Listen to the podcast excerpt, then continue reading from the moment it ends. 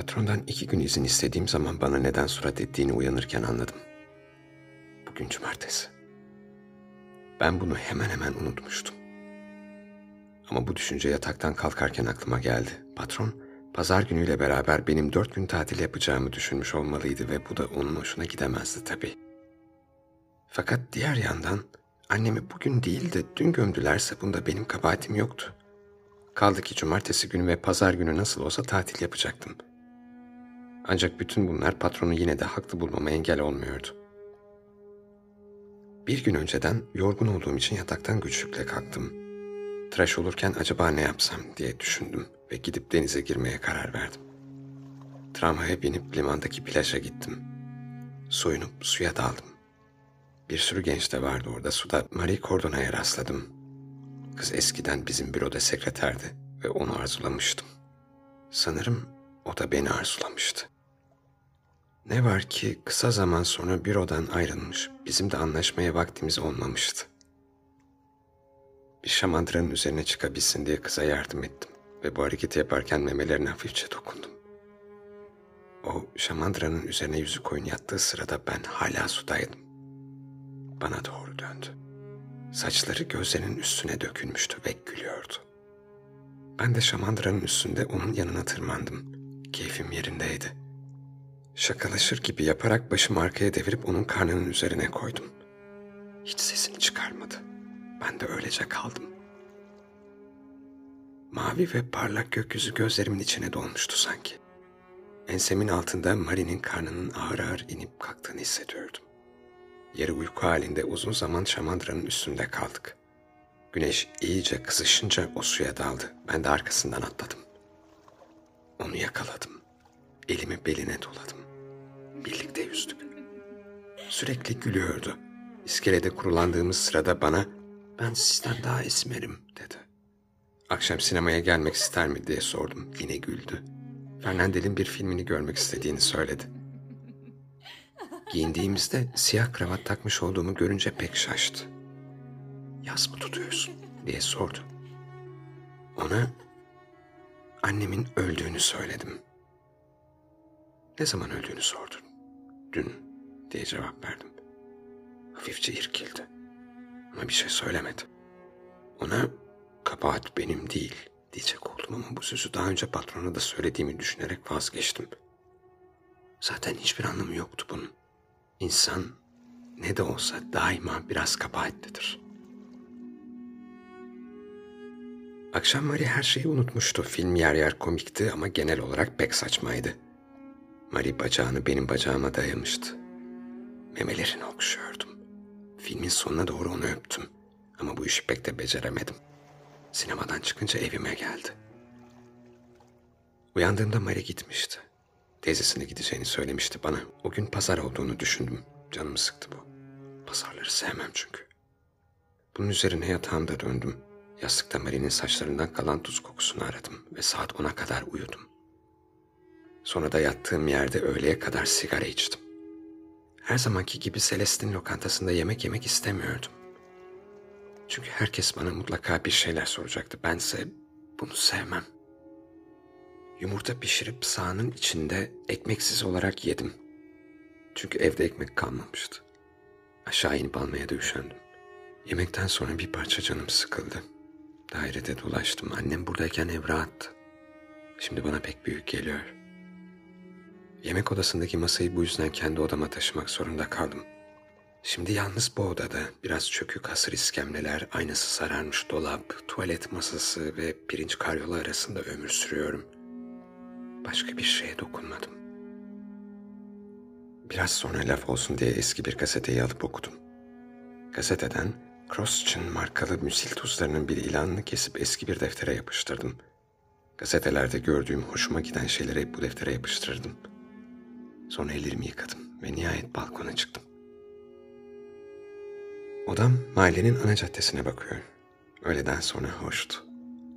Bununla beraber gelip geçenler pek azdı ve acele ediyorlardı. Önce gezmeye giden aileler, deniz elbisesi giymiş, pantolonları dizlerinin altına düşen iki oğlan çocuk, yeni elbiselerin içinde rahatsız gibiydiler. Pembe kocaman fiyonklu rugan ayakkabılı bir de küçük kız vardı. Onların arkasından kahverengi ipekli elbise giymiş, iri yarı anneleriyle ufak tefek oldukça zayıf babaları geliyordu. Bu adamla göz aşinalığım vardı. Başında bir hasır şapka, boynunda bir papyon, elinde de bir baston vardı. Karısıyla beraber görünce mahallede kendisi için neden kibar adamdır dendiğini anladım. Biraz sonra da mahallenin delikanlıları geçtiler. Saçlarını bir yan dinlemişler, kırmızı kravat takmışlar, sımsıkı ceketler giymişlerdi. Ceplerinde işlemeli birer mendil, ayaklarında uçları dört köşe ayakkabılar vardı. Şehrin merkezindeki sinemalara gidiyor olmalılar diye düşündüm. Onun için bu kadar erken yola çıkıyorlar ve yüksek sesle gülerek tramvaya yetişmek için acele ediyorlardı. Onların peşi sıra sokak neredeyse ıssızlaştı. Her tarafta, sinemalarda, tiyatrolarda gösteriler başlamıştı herhalde. Sokakta yalnız dükkan sahipleriyle kediler vardı. Sokağın iki yanındaki boşluk üzerinde gökyüzü açıktı ama parıltısızdı. Karşı kaldırımdaki tütüncü bir iskemle çıkarıp bunu kapısının önüne yerleştirdi. Üzerine ata biner gibi oturup iki koluyla iskemlenin arkalığına dayandı. Az önce tıklım tıklım dolu olan tramvaylar şimdi hemen hemen boştu. Tütüncünün bitişiğindeki Pierro'nun küçük kahvesinde garson boş salonda yerdeki tahta talaşlarını süpürüyordu. Gerçek bir pazar günüydü. Ben de iskemlemi çevirip tütüncününki gibi koydum. Böyle daha rahat olduğunu anlamıştım çünkü. İki sigara içtim. Bir parça çikolata almak için içeriye girdim. Ve gelip bunu pencerenin önünde yedim. Biraz sonra gökyüzü karardı bir yaz yağmuru indirecek zannettim. Oysa hava yavaş yavaş yine açıldı. Fakat bulutların geçişi sokağın üzerinde neredeyse yağmur yağacak gibi bir hava bırakmıştı. Bu yüzden sokak daha da karanlıklaşmıştı. Uzun zaman pencerenin önünde durup gökyüzünü seyrettim. Saat beşte tramvaylar paldır küldür geldiler. Şehrin dışındaki stat'tan salkım salkım seyirci getiriyorlardı. Sonraki tramvaylarda oyuncuları getirdiler. Bunları küçük valizlerinden tanıdım. Ağızları çıktığı kadar bağırıp şarkı söyleyerek kulüplerinin ölmeyeceğini ilan ediyorlardı. İşlerinden birkaçı bana işaret ettiler. Hatta birisi ''Ol aşağı ittik onları'' diye bağırdı. Başımı sallayarak ''Evet'' dedim. Ondan sonra da otobüsler birbiri peşi sıra sökün ettiler. Havanın rengi bir parça daha değişti. Damların üstünde gökyüzü kırmızımtırak bir renk aldı. Akşam bastırmaya başlarken sokaklarda kalabalıklaştı. Gezmeye gitmiş olanlar yavaş yavaş dönüyorlardı. Kalabalığın arasında sabahki kibar boyu da tanıdım. Hemen aynı anda mahallenin sinemaları sokağa bir seyirci kalabalığı boşaltıverdi. Seyirciler arasındaki delikanlılar her zamankinden daha bıçkın tavırlar sergiliyorlardı. Bir macera filmi seyrettiklerini anladım. Şehirdeki sinemalardan dönmekte olanlar da biraz sonra çıka geldiler. Bunlar daha ciddi, durgun görünüyorlardı. Hala gülüyorlardı ama zaman zaman yorgun ve düşünceli tavırlar takınıyorlardı. Gençler sokakta durmaya devam ettiler. Karşı kaldırımda bir aşağı bir yukarı yürümeye başladılar.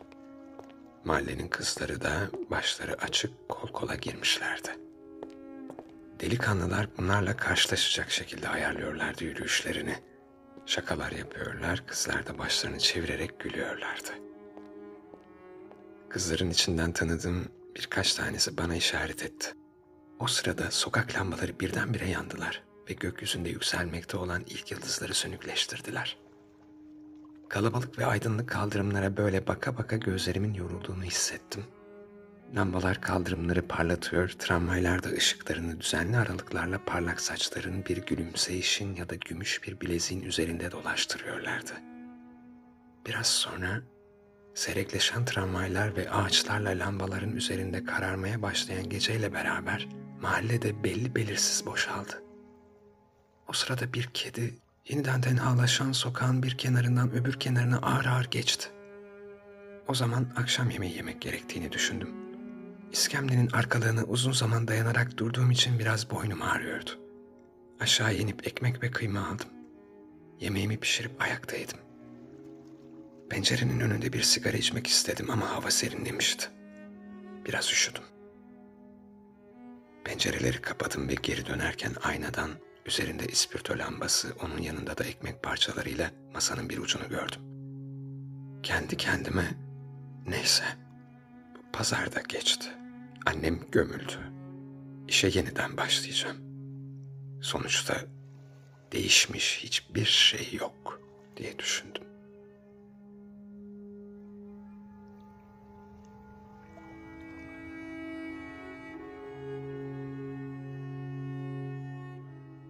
Bugün büroda çok çalıştım.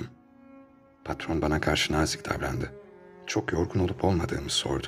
Sonra annemin yaşını öğrenmek istedi. Yanlış bir şey söylemiş olmamak için altmışında vardı dedim. Bilmiyorum neden patron artık bu işin bitmiş olduğunu düşünerek ferahlamış bir tavır takındı. Masamın üzerinde bir yığın konşimento vardı ve bunların hepsini temizlemem icap etti. Öğle yemeğine gitmek için bürodan ayrılmadan önce ellerimi yıkadım. Öğle üzeri bu anı pek severim. Akşamları ise daha az keyif duyarım çünkü lavaboda kullanılan döner havlu artık iyice ıslanmış olur. Bütün gün herkes onu kullanmıştır. Bir gün bunu patrona da söyledim. Vah vah dedi ama pek de önemi yoktu bunun. Yükleme servisinde çalışan Emanuel'le beraber biraz geç yani saat yarımda çıktım.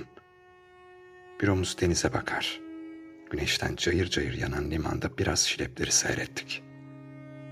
O sırada zincir şangırtıları, motor gürültüleri arasında bir kamyon geldi. Emanuel, binelim mi? diye sordu. Koşmaya başladık. Kamyon bizi geçti. Biz de peşine takıldık. Gürültü ve toz her yanımı sarmıştı. Artık hiçbir şey göremiyordum ve vinçlerle makinelerin, ufuk üzerinde sallanmakta olan direklerin, yanlarından geçtiğimiz teknelerin ortasında bu koşunun düzensiz hamlesinden başka bir şey hissetmiyordum. Kamyona ilk önce ben tutundum. Uçarcasına sıçradım. Sonra da oturması için Emanuel'e yardım ettim. İkimiz de soluk soluğaydık. Kamyon rıhtımdaki o yamru yumru taşlar üzerinde toz toprağın güneşin ortasında zıplayıp duruyordu. Emanuel katıla katıla gülüyordu. Celestin lokantasına kanter içinde geldik. Lokantacı kocaman göbeği, önlüğü ve ak bıyıklarıyla her zamanki gibi oradaydı. Bana Nasıl? Daha iyicesiniz ya diye sordu. Evet dedim. Karnımın aç olduğunu söyledim. Yemeğimi çabucak yiyip kahve içtim. Sonra eve geldim. Çok şarap içmiş olduğum için biraz uyudum. Uyanınca canım sigara içmek istedi. Geç olmuştu. Ben de tramvaya yetişmek için koştum. Bütün öğleden sonra çalıştım. Ofis çok sıcaktı. Akşam çıkıp rıhtımlar boyunca ağır ağır yürüyerek eve dönmekten pek keyiflendim.'' Gökyüzü yeşildi.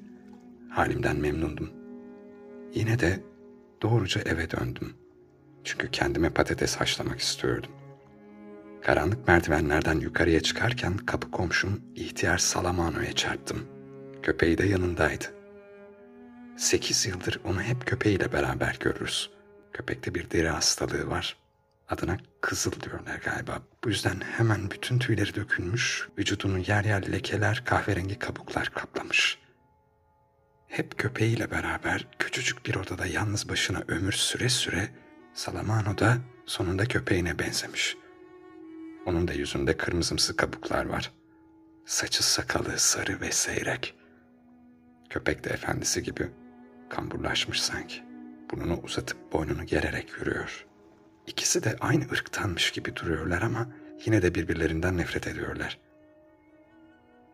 İhtiyar günde iki defa saat 11 ile saat 6'da köpeğini dolaşmaya çıkarır. Sekiz yıldan beri hep aynı güzergahı izliyorlar. Onları Lyon sokağında her gün görmek mümkün. Köpek Salamono'yu ihtiyarın ayağı bir yere takılıncaya kadar çeker, o da köpeğine dayak atıp küfür eder. Köpek korkudan yerde sürünür. Sahibi de onu sürüklemeye başlar. Derken köpek unutur. Sahibini yine sürüklemeye başlar. Sonra tekrar dayak yiyip küfür işitir. O sırada ikisi de kaldırımda dururlar. Köpek korkuyla, efendisi de hınçla birbirlerine bakarlar. Bu her gün böyledir. Köpeğin çişi geldi mi, ihtiyar hayvana vakit bırakmaz. Onu çeker, köpeği de peşi sıra küçük damlacıklardan bir iz bırakır.'' Köpek odaya pisleyecek olsa yine dayak yer. Sekiz yıldır bu böyle sürüp gider. Celeste hep felaket bu doğrusu Der ama işin aslını kimse bilmez ki. Merdivende kendisine rastladığımda Salamano yine köpeğine küfür ediyordu. Ona pis mendebur diye bağırıyor köpek de inliyordu. Ben iyi akşamlar ama ihtiyar küfür yağdırmaya devam ediyordu. O zaman ne yaptı bu köpek size diye sordum. Cevap vermedi. Boyna pis, mendebur deyip duruyordu. Köpeğinin üzerine eğilmiş tasmasında bir şeyleri düzeltmekte olduğunu hayal meyal seçebiliyordum. Daha yüksek sesle konuştum. O da arkasına dönmeden ve öfkesini güç zapt ederek başımdan defolup gidemiyor ki dedi. Sonra da inleyip kasılarak kendisini dört ayağı üzerinde sürükleyen hayvanı çeke çeke çıkıp gitti. Tam o sırada içeriye kapı komşularımın ikincisi girdi. Mahallede onun kadınların sırtından geçindiğini söylerler. Fakat kendisine ne iş yaptığı sorulursa ambarcıyım der. Genel olarak hiç sevmezler onu. Ama benimle sık sık konuşur, ara sıra da odama uğrar. Söylediklerini dinlerim de ondan. Anlattıklarını ilgi çekici bulurum çünkü. Zaten onunla konuşmamam için bir sebep de yok. Adı Raymond Sintes. Oldukça kısa, geniş omuzludur. Burnu boksörlerinki gibidir. Her zaman gayet düzgün giyinir. Salamano'dan söz ederken o da bana amma da felaket herif ha dedi. Sonra benim de ondan tiksinip tiksinmediğimi sordu. Ben hayır diye cevap verdim. Yukarıya çıktık. Yanından ayrılacağım sırada bana evde sucukta şarap var dedi. İsterseniz buyurun da bir iki lokma bir şey yiyelim. Bu sayede yemek pişirmekten kurtulacağımı düşünerek kabul ettim. O da bir tek odada oturuyor. Bir de penceresiz mutfağı var. Yatağının üzerinde alçıdan pembe beyaz bir melek heykeli, şampiyonların fotoğrafları, iki üç çıplak kadın resmi asılı. O da kirli, yatak toplanmamıştı. Önce gidip petrol lambasını yaktı. Sonra cebinden oldukça kirli bir sargı bezi çıkarıp sağ elini sardı. Eline ne olduğunu sordum. Kendisiyle hır çıkarmaya çalışan bir herifle dövüştüğünü söyledi. Ben fena adam değilim Monsieur Merceau dedi. Ama biraz sertim. Herif bana erkeksen tramvaydan in de görelim dedi. Hadi be rahat dursana sen dedim ona. Öyleyse erkek değilsin dedi. Ben de tramvaydan indim. E sesini kesersen iyi edersin. Yoksa fena yaparım seni dedim. Et de görelim demez mi? O zaman bir tane yapıştırdım. Düştü. Onu kaldırmak üzere yanına gittim. Yattığı yerden tekmeler sıvırdı bana. Ben de bir diz attım iki tane de patlattım. Suratı kan içinde kalmıştı. Nasıl dedim. Hesap tamam mı? Evet dedi. Bunları anlattığı sırada Sintes bir yandan da elindeki sargıyı düzeltiyordu. Ben yatağın üzerine oturmuştum. Görüyorsunuz ya belayı arayan ben değilim. O gelip bana çattı. Söylediği doğruydu. Ben de onayladım. Bunun üzerine bana bu mesele hakkında akıl danışacağını, benim erkek adam olduğumu, hayatı bildiğimi, ona yardım etmemi, sonra da arkadaş olmak istediğini söyledi. Ben bir şey söylemedim. Arkadaşı olmak isteyip istemediğimi sordu yeniden. Benim için fark etmediğini söyledim. Cevabından memnun göründü. Sucuk çıkarıp tavada kızarttı. Masaya bardakları, tabakları, çatal bıçakları koydu. İki şişe de şarap getirdi. Bütün bunları sessiz sedasız yaptı. Sonra sofraya oturduk. Yemek yerken bana hikayesini anlatmaya başladı. Önceleri biraz çekiniyordu. Bir kadın tanıdım, dedi. Metresim sayılırdı yani. Dövüştüğü adam bu kadının kardeşiymiş. Kadına kendisinin baktığını söyledi. Ben hiçbir cevap vermeyince mahallede kendisi için neler söylendiğini bildiğini ama vicdanının rahat olduğunu ve ambarcılık yaptığını ekledi. Sonra devam etti. Neyse, yine benim hikayeye gelelim. Bu işte aldatmaca olduğunu sezdim. Kadına ancak geçineceği kadar para veriyormuş odasının kirasını ayrıca yemek için günde 20 frank veriyormuş. 300 frank odaya, 600 frank yiyeceğe gidiyordu. Ara sıra bir çift çorap aldım mı bin frank ediyordu. Kadının çalıştığı yoktu. Bana verdiğin parayla geçinemiyorum deyip duruyordu. Ama ben ona dedim ki ne diye yarım gün çalışmıyorsun? Ufak tefek masrafların için yardım mı olur bunun bana? Bu ay sana bir elbise aldım. Günde 20 frank veriyorum, kiranı veriyorum ama sen öğleden sonra kadın arkadaşlarınla oturup kahve içiyorsun. Onlara kahve veriyorsun, şeker veriyorsun. Parayı da sana ben veriyorum. Sana iyilik ettim. Buna karşılık bana kötülük ediyorsun. Ama kadın çalışmıyor. Boynada iki yakasının bir araya gelmediğini söylüyordu. Böylece ben de işin içinde bir dalavere olduğunu sezdim. Bunun üzerine kadının çantasında bir piyango bileti bulduğunu ve kadının bunu nasıl satın aldığını izah edemediğini anlattı bana. Daha sonra da odasında rehin karşılığı borç veren kurumdan gelen bir kağıt bulmuş. Ki bu da oraya iki bilezik rehin bıraktığını kanıtlıyormuş. Halbuki o güne kadar onun bilezikleri olduğunu bilmiyormuş. İşin içinde bir dalavere olduğunu iyice anladım. Bu yüzden onu terk ettim. Ama önce bir temiz dayak attım. Sonra da ne mal olduğunu yüzüne karşı bir bir söyledim. Senin canın gönül eğlendirmek istiyor dedim. Görmüyor musun? Herkes senin mutluluğunu kıskanıyor. Kıymetimi benden ayrıldıktan sonra anlayacaksın dedim. Kadının yüzünü gözünü kan içinde bırakıncaya kadar dövmüştü. Halbuki eskiden dövmezmiş. Vururdum ama şakacıktan yani biraz bağırırdı filan. Panjurları kapatırdım. Böylece geçip giderdi. Ama şimdi iş ciddi. Kaldı ki bana kalırsa az bile yaptım doğrusu. Sonra konuyla ilgili öğüde ihtiyacı olduğunu anlattı. Peşi sırada lambanın fitilini is çıkarmasın diye düzeltti. Ben hala onu dinliyordum. Bir litreye yakın şarap içmiştim. Şakaklarım ateş gibi yanıyordu. Sigaram kalmadığı için Raymond'ın sigaralarını içiyordum. Son tramvaylar geçiyor. Geçerken mahalleden, uzaklardan gelen gürültüleri de alıp götürüyorlardı.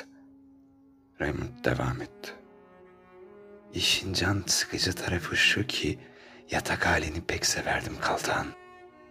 Ama onu cezalandırmak istiyordu. Önce onu alıp bir otele götürmeyi sonra da rezalet çıkartarak ahlak sabıtasını çağırmayı ve kadına vesika verdirtmeyi düşünmüş.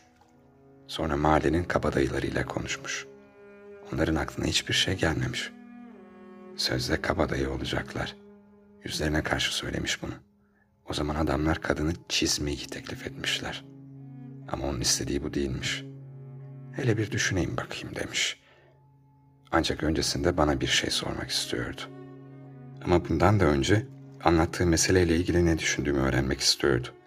Ben hiçbir şey düşünmediğimi ama ilginç bulduğumu söyledim. İşin içinde bir dalavere olup olmadığını sordu. Ben de var gibi görünüyor deyince ona gününü göstermesi gerektiğini düşünüyorsam yerinde olsam ne yapacağımı sordu. Ben de bilemem ama onu cezalandırmak istemenizi anlıyorum diye cevap verdim. Biraz daha şarap içtim. O bir sigara yaktı. Ve bana fikrini açtı. Kadına bir mektup yazmak istiyordu. Sert bir mektup, okusun da pişman olsun diye. Sonra kadın geri gelince onunla yatacaktı. Ve iş tam biteceği sırada yüzüne tükürüp onu kapının önüne koyacaktı. Böyle yaparsa kadının cezasını bulacağını söyledim. Ama Raymond bana o mektubu yazmayı beceremeyeceğini söyledi ve bunu onun için yapabileceğimi düşündüğünü söyledi. Ben sesimi çıkarmadığım için hemen yazıp yazamayacağımı sordu. Olur dedim. Bir kadeh şarap içip yerinden kalktı. Tabakta kalan bir parça soğumuş sucuğu kenara itti. Sofranın muşambasını özene bezene sildi. Komodinin çekmecesinden dört köşeli çizgili bir kağıt, sarı bir zarf, kırmızı tahtadan küçük bir kalem, dört köşe bir şişe içinde mor mürekkep çıkardı. Bana adını söylediğinde kadının Maripli olduğunu anladım. Mektubu yazdım. Biraz rastgele yazdım ama Raymond'ı da memnun etmeye çalıştım. Çünkü onu memnun etmemek için bir sebep yoktu ortada. Sonra mektubu yüksek sesle okudum. O da sigarasını içip başını sallayarak beni dinledi. Sonra bir daha okumamı istedi. Çok memnun kaldı. Hayat denen şeyi biliyorsun sen anlamıştım bunu dedi. Önce senli benli konuştuğunu fark etmedim. Ancak işte şimdi gerçek bir arkadaş oldun ya dediği zaman farkına vardım bunun ve şaştım. Cümleyi tekrarladı. Ben de evet dedim. Onun arkadaşı olmak umurumda değildi ama buna pek hevesli görünüyordu. Zarfı kapadı, şarabı bitirdik. Sonra hiç konuşmadan bir süre sigara içtik. Dışarıda her şey sakindi. Sokaktan geçen bir otomobilin asfalttan kayıp gidişini duyduk. Ben geç oldu dedim. Raymond da öyle düşünüyordu. Vaktin çabuk geçtiğini belirtti. Ki bu bir bakıma doğruydu. Uykum gelmişti ama kalkmaya üşeniyordum. Yorgun görünüyor olmalıydım ki Raymond, İnsan kendini koy vermemeli canım, dedi. Önce anlamadım. Annemin öldüğünü öğrendiğini söyledi. Ama bu zaten er ya da geç olacaktı dedi. Ben de öyle düşünüyordum. Kalktım. Raymond kuvvetle elimi sıktı ve erkekler aralarında daima anlaşır dedi. Odasından çıkınca kapıyı kapattım ve bir süre öylece karanlıkta durdum. Ev sessizdi. Merdiven boşluğundan karanlık, nemli bir soğuk geliyordu. Sadece kanımın kulaklarımda zonklayışını işitiyordum. Kımıldamadan durdum. Ama ihtiyar Salaman'ın odasında köpek boğuk boğuk inledi.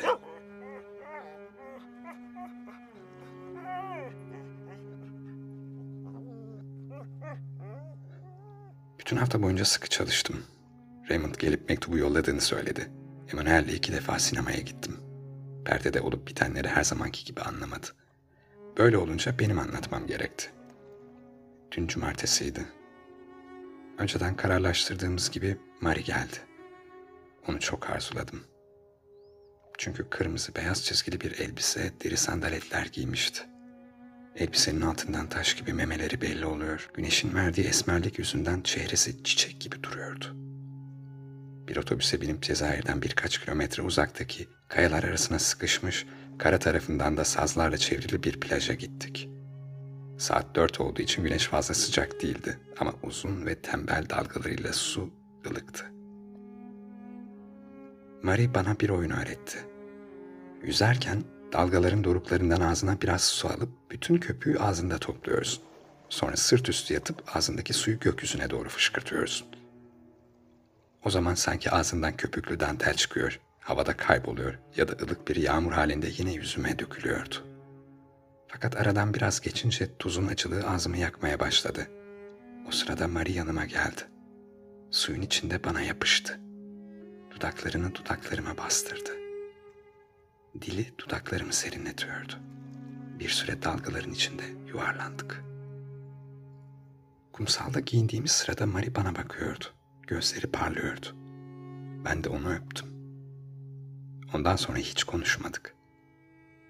Onu kendime doğru çekip tuttum ve bir otobüs bulup şehre dönmek, evime gelmek, yatağıma atılmak için acele ettik. Penceremi açık bırakmıştım. Yaz gecesinin esmer vücutlarımız üzerinden akıp gidişini hissetmek çok hoştu. O sabah Marie gitmedi. Ona öğlen yemeğini beraber yiyelim dedim. Et almak için aşağıya indim. Tekrar yukarıya çıkarken Raymond'un odasından bir kadın sesi işittim. Biraz sonra ihtiyar Salamano köpeğini azarladı. Merdivenin tahta basamaklarında ayakkabı ve pençe sesleri sonra da pis, mendebur diye haykırmalar işittik. İkisi sokağa çıktılar. Marie ihtiyarların hikayesini anlattım. Güldü. Benim pijamalarımdan birini giymiş, kollarını sıvamıştı. Gülünce onu yine arzuladım. Biraz sonra onu seviyor muyum diye sordu. Ona bu sorunun manasız olduğunu söyledim. Galiba hayır diye de ekledim. Mahzunlaştı.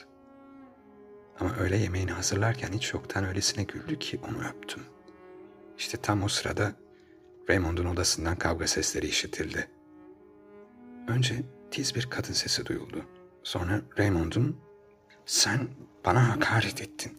Hakaret ettin bana hakaret etmek ne demekmiş göstereceğim sana dediği işitildi.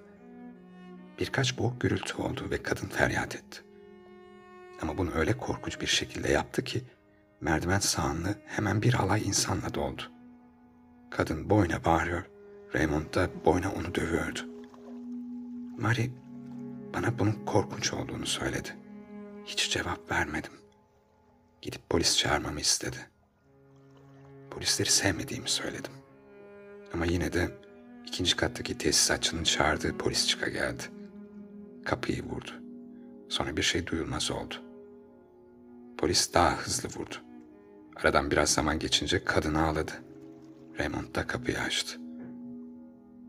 Ağzında sigarası ve halim selim bir duruşu vardı. Kadın kapıya koşup polise Raymond'un onu dövdüğünü söyledi. Polis, adın ne senin diye sordu. Raymond cevap verdi. Polis, benimle konuşurken ağzından sigarayı çıkar dedi. Raymond tereddüt etti. Bana baktı. Sigarayı ağzından çıkarmadı. O zaman polis ona bütün kuvvetiyle bir tokat patlattı. Tokat Raymond'un suratının tam ortasına indi. Sigara birkaç metre ileriye yuvarlandı. Raymond'un yüzü değişti ama o an için hiçbir şey söylemedi. Sonra süklüm büklüm sigarayı yerden alabilir miyim diye sordu. Polis alabileceğini söyledikten sonra ama şunu da iyi bil ki polis dediğin kumda değildir diye ekledi. O sırada kadın ağlıyordu. Adam beni dövdü, pezevengin biridir o diye tekrarladı. O zaman Raymond, memur bey diye sordu. Bir erkeğe pezevenk demek kanunda yazılı mı? Ama polis ona kapat çeneni diye emretti. Raymond da kadına döndü.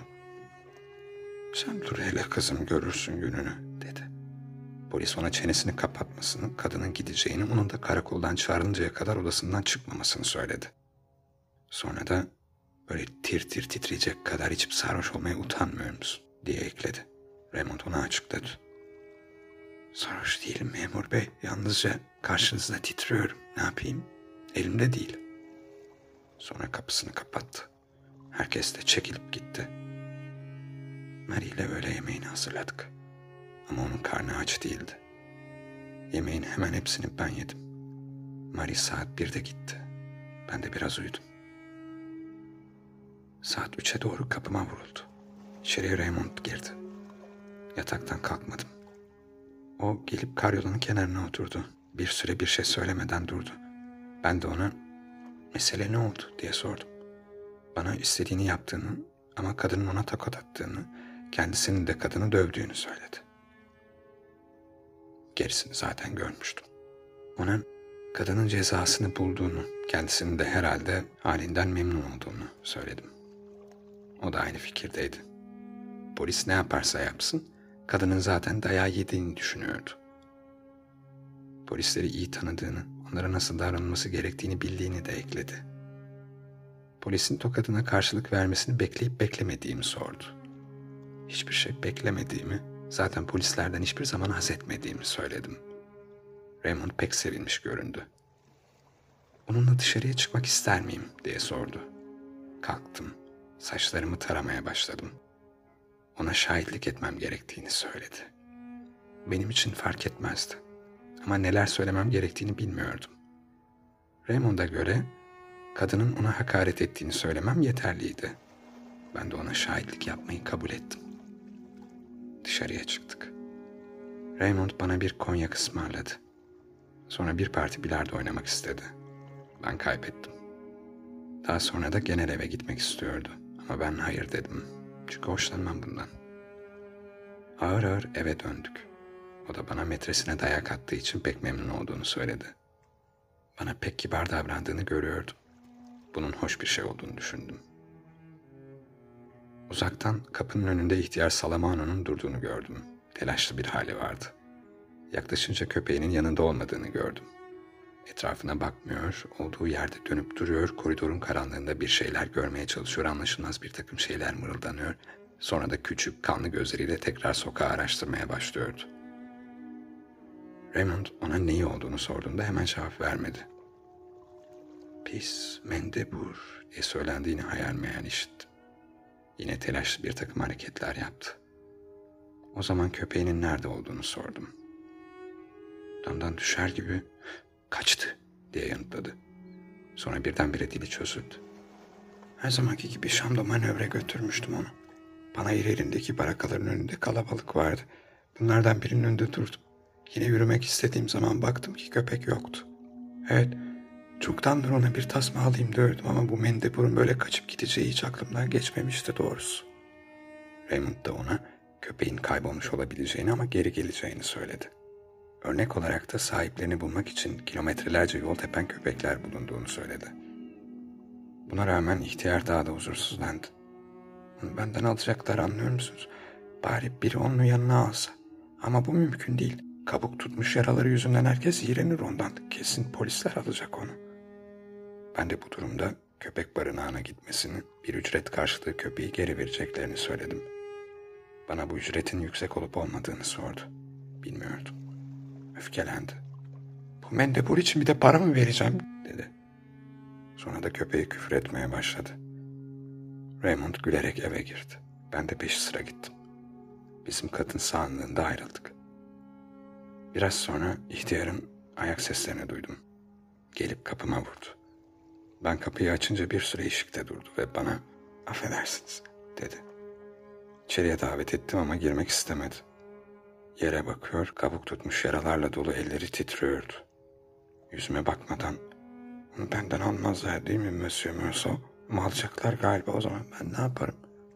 diye sordu. Hayvan barınağında köpekleri sahiplerinin gelip alması için üç gün tuttuklarını sonra da doğru bulduklarını yaptıklarını söyledim. Bir şey söylemeden yüzüme baktı. Sonra bana iyi akşamlar dedi.